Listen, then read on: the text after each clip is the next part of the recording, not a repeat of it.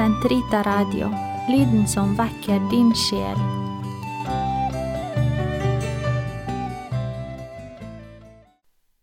Karmels hage, episode 9 Skriftemålets utømmelige nåde Husk dette, Jakob og Israel, for du er min tjener. Jeg har formet deg. Du er min tjener, Israel. Du blir ikke glemt av meg. Jeg stryker bort dine lovbrudd som en tåke og dine synder som en sky. Vend om til meg, for jeg løser deg ut. Juble du himmel, for Herren har grepet inn. Rop av fryd, dere jordens dyp. Bryt ut i jubel, dere fjell, du skog med alle dine trær. For Herren løser ut Jakob, på Israel viser han sin herlighet. Jesajas 44, 21–23 Alle vet at de alvorlige synder må skriftes, men mange kristne lever kanskje uten det kirken definerer som dødssynder. Men man er ikke skyldfri av den grunn. Om vi er ærlige med oss selv, kan vi plutselig og ganske så sjokkerende se at vi innimellom er i ferd med å drukne i et hav av svakhets- og vanesynder. Men når vi vet at eukaristiens sakrament vasker oss kontinuerlig, hvorfor må vi da skrifte dem? En av de meget gode frukter av å skrifte våre vanesynder er at vi vil oppdage at vi gjentatte ganger skjemmes over å skrifte de samme syndene. Dette kan igjen føre til at vi muligens blir drevet til å spørre noen ubehagelige spørsmål om oss selv. Har jeg disse syndene fordi det er andre dypereliggende årsaker som jeg må be Herren kaste lys over og helbrede? Er jeg hovmodig? Er jeg lat? Er jeg grådig? Dømmer jeg andre? Flykter jeg? Hvorfor? Kanskje disse spørsmålene fører til andre erkjennelser. Mønstre jeg har lagt meg til for å dekke over egne svakheter, blødende sår, resultat av andres synd mot meg, min synd mot andre. Kanskje vil jeg ikke tilgi, kanskje har mitt hjerte stivnet i en hjelpeløs krampe av såret sinne, vantro. Kanskje ligger det store knuter og konflikter i mitt indre som bare roper etter forløsning, men som er så smertefulle at jeg ikke vil se. Kanskje prøver jeg å dekke over forakten for min egen svakhet ved å tenke at jeg er bedre enn andre, og slik ender opp i hovmod. Kanskje jeg er så fanget i meg selv, i mine små vanesynder, distraksjoner, overdrevne fornøyelser, irritasjoner, at jeg aldri helt kan løfte hodet og se på ham. For er det ikke derfor vanesyndene blir så farlige? Når vi avfinner oss med dem, når vi tenker at det er mitt vesle, håpløse prosjekt, når jeg ikke lenger har den troen som gjør at jeg tenker, dette kan du, Herre, gjøre noe med, dette kan du stryke fra mine øyne, for dette er kanskje ikke en ubehagelig flis, men bjelken som hindrer meg å se deg, Jesus Kristus, og der var også alle mine medmennesker. Kanskje er det nettopp bagatellene og vanesyndene som holder meg fast i det egosentrerte grepet og hindrer meg fra å se dette med dette klare, Kristus-sentrerte blikket. Å omvende seg er å gå tilbake til start og innse at Herrens makt er stor. Å gå tilbake til start er å finne den riktige plassen og velge den gode del, tilbedelse og lovprisning av Herren. Dette er kanskje helt frivillig gjennom en voksende innsikt. Vi kan merke at Guds fred og glede vokser gjennom tilbedelse og gudsdyrkelse. Den som finner sted i Den hellige messen, i eukaristisk tilbedelse, men også i våre daglige liv, det være seg bønn eller tjeneste for andre. Det holder å ville gå tilbake til start, våre hovmodige vanesynder til tross. Det holder å sette seg for Herrens åsyn og si, Herre, her er jeg for å gjøre din vilje. mange har også opplevd at det å gå tilbake til start kan være forbundet med stor lidelse og fare. At vi så å si kastes ned fra våre gode så vel som vaklende liv. At sykdom, lidelse og elendighet driver oss tilbake til en plass vi aldri har ønsket verken for oss selv eller for våre verste fiender. Da kan det være livsavgjørende å få hvile under menneskeblikk som er i kontakt med Guds virksomme, barmhjertige kjærlighet, og som ser med Guds øyne på vårt sanne jeg, og sørger for at jeg får næring til å vokse under Guds blikk. Kirken peker ettertrykkelig på denne barmhjertige kjærligheten, og hvilket annet sted finner vi den ikke mer opplagt enn i nettopp skriftestolen. Kristen tro uten korset, eller rettere sagt Kristus korsfestet og oppstanden, er ingen kristen tro. Vi kan leve perfekt og holde alle forskrifter slik Paulus gjorde da han forfulgte de kristne med stor nidkjærhet. Men i møte med Jesus Kristus, et personlig møte, altså ikke teori eller teologi, har vi muligheten til å få kjærligheten inn i våre liv, virkelig kjærlighet. Den kjærligheten som utholder alt, tror alt, håper alt, tåler alt. Tør jeg å ta dette ene skrittet, om, det som denne omvendelsen krever? Her er vi definitivt inne både på den andre og tredje omvendelse beskrevet av pave Benedikt, som har snakket om i forrige episode, når vi snakket om hellige Augustins omvendelser.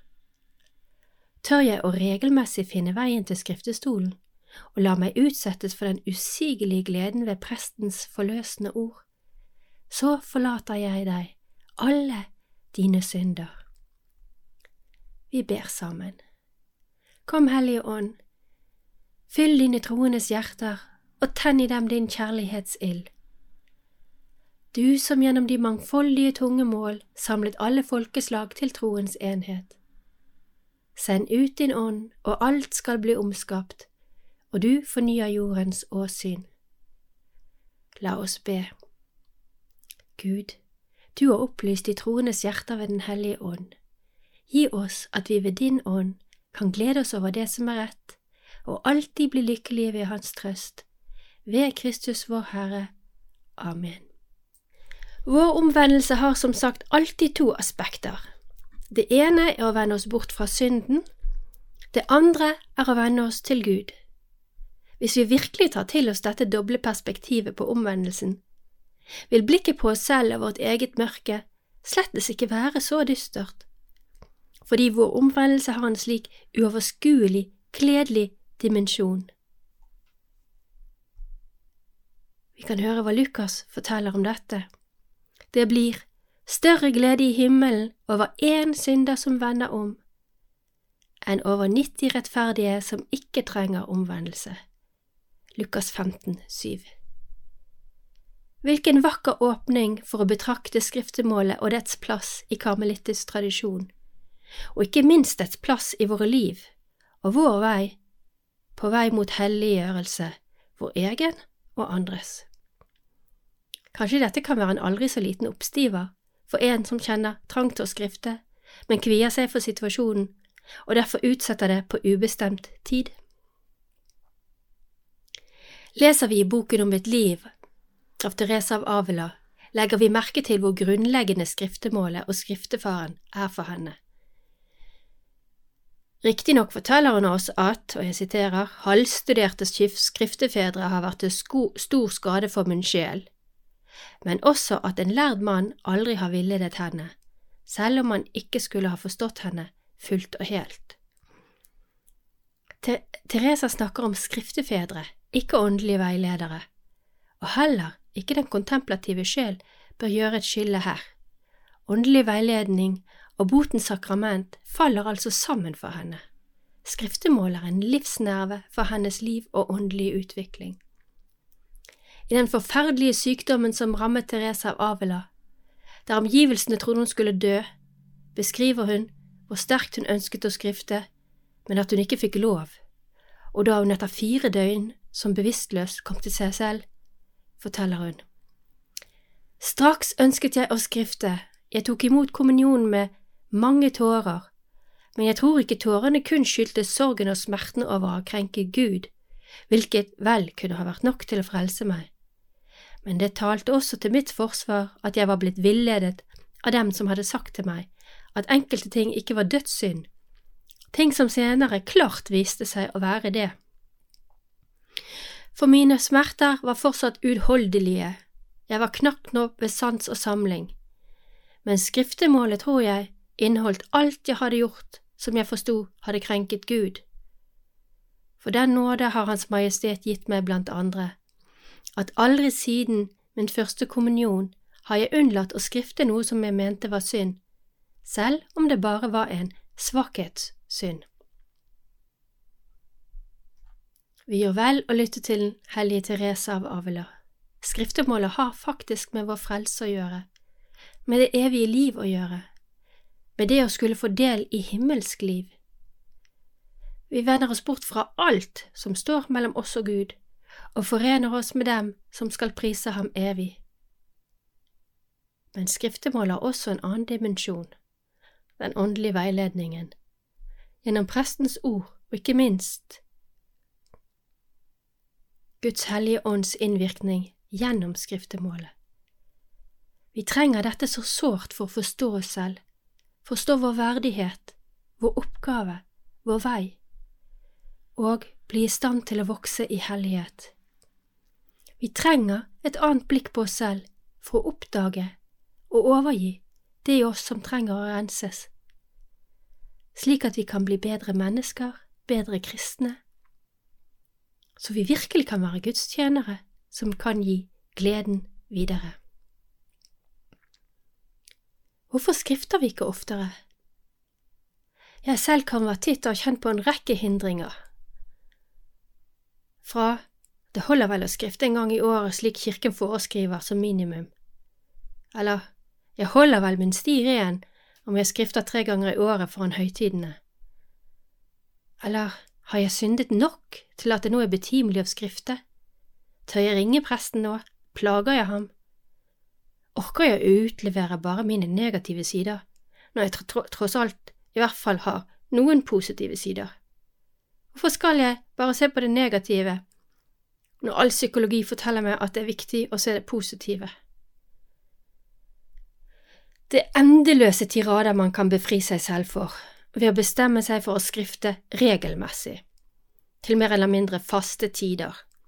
Nonneklostre for eksempel har faste skriftedager, alt fra en gang i uken til en gang i måneden. Det som skjer da, er at man blir befridd for masse motstand. Skulle man være en som lever sånn noenlunde bra, blir man, fordi det tiden for skriftet nærmer seg, kanskje inspirert til å se ikke bare på gjerningene, de bud man har brutt, men også på den ikke fullt så synlige synden i, i livet, de dypere liggende problemstillingene som kanskje trekker ned verdien til og med av våre gode gjerninger. Jeg kan nevne et par eksempler. Tjener jeg Gud med det jeg gjør, eller tjener jeg meg selv. Fordi arbeidet i Guds vingård primært er motivert av at det gir meg tilfredsstillelse og mening med livet, og at jeg kanskje får litt kjærkommen oppmerksomhet og ros i tillegg? besøker jeg min syke slektning på sykehjemmet, primært fordi det da gir meg litt dårligere samvittighet, eller gir meg et anerkjennende blikk av sykehjemmets ansatte, eller gjør jeg det av kjærlighet med ønske om å gjøre vedkommende vel? Jeg tar ikke med disse eksemplene for å oppfordre til skrupler. Gode gjerninger er alltid gode gjerninger, men vi kan alltid gå dypere i hjertets renhet. Og med prestens ord over bot kan vi alltid komme nærmere Gud og vårt endelige mål som menneske. Ja, hva er nå målet? Hvorfor ber vi?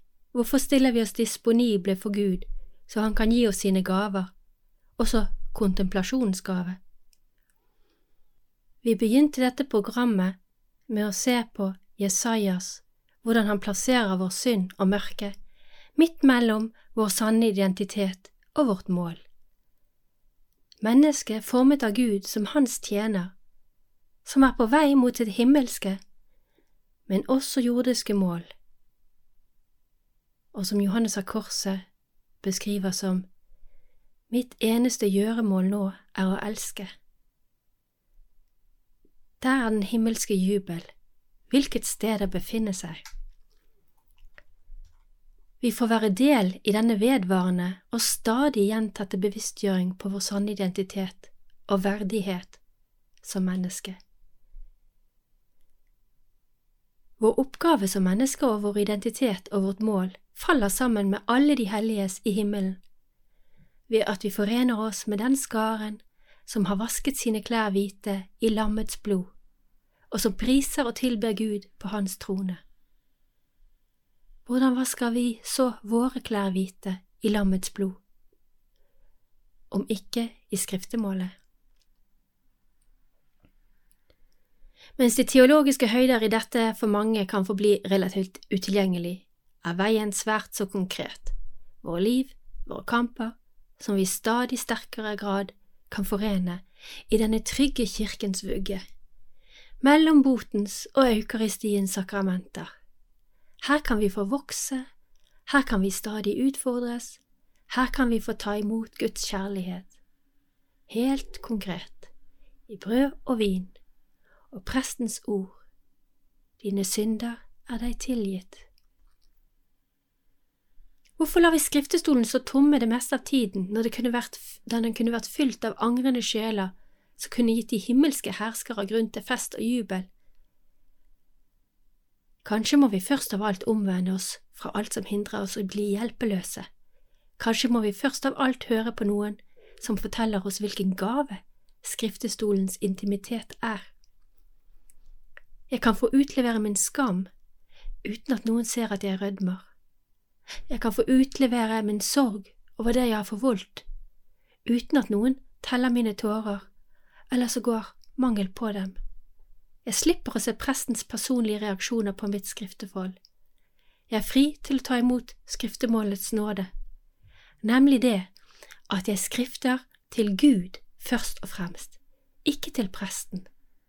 Han er Kristi stedfortreder. Gud vet om min synd uansett, og han ønsker kun at jeg skal se den, erkjenne den, angre den og få hjelp. I skriftestolen blir jeg fri til å gjøre dette fri til å lytte, lytte særlig intenst etter Kristi stemme, når presten tar hans ord i sin munn. Jeg blir fri til å være et Guds barn som tar imot Hans nådes melk uforbeholdent. Et barn som ikke bare lytter med forstanden og omvender seg med forstanden, men som lytter med hjertets dyp, som også er det stedet der virkelig omvendelse skjer. Du skal heller ikke se bort fra ved ditt livs aften at du kan se tilbake på at Gud virkelig har utvirket store mirakler i deg gjennom denne ubeskrivelige kontakten med Guds barmhjertighet i skriftemålet. La oss nå lytte dypt til Maria, hun som var uten synd og dermed full av nåde. Ja, la oss gjøre som hun sier. Og hva sier hun? Det han sier til dere, skal dere gjøre. Og hva er det han sier? Kom til meg, alle dere som strever og bærer tunge byrder, og jeg vil gi dere hvile. Ta mitt åk på dere og lær av meg, for jeg er mild og ydmyk av hjerte. Så skal dere finne hvile for dere sjel, for mitt åk er godt, og min byrde er lett. Matteus 11, 28 så er skriftestolen det beste av alle steder å få legge av seg byrdene.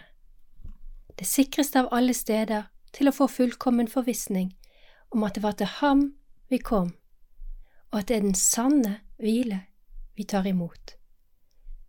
Unn de himmelske herskere en fest, og deg selv Kristi lette byrde. Amen.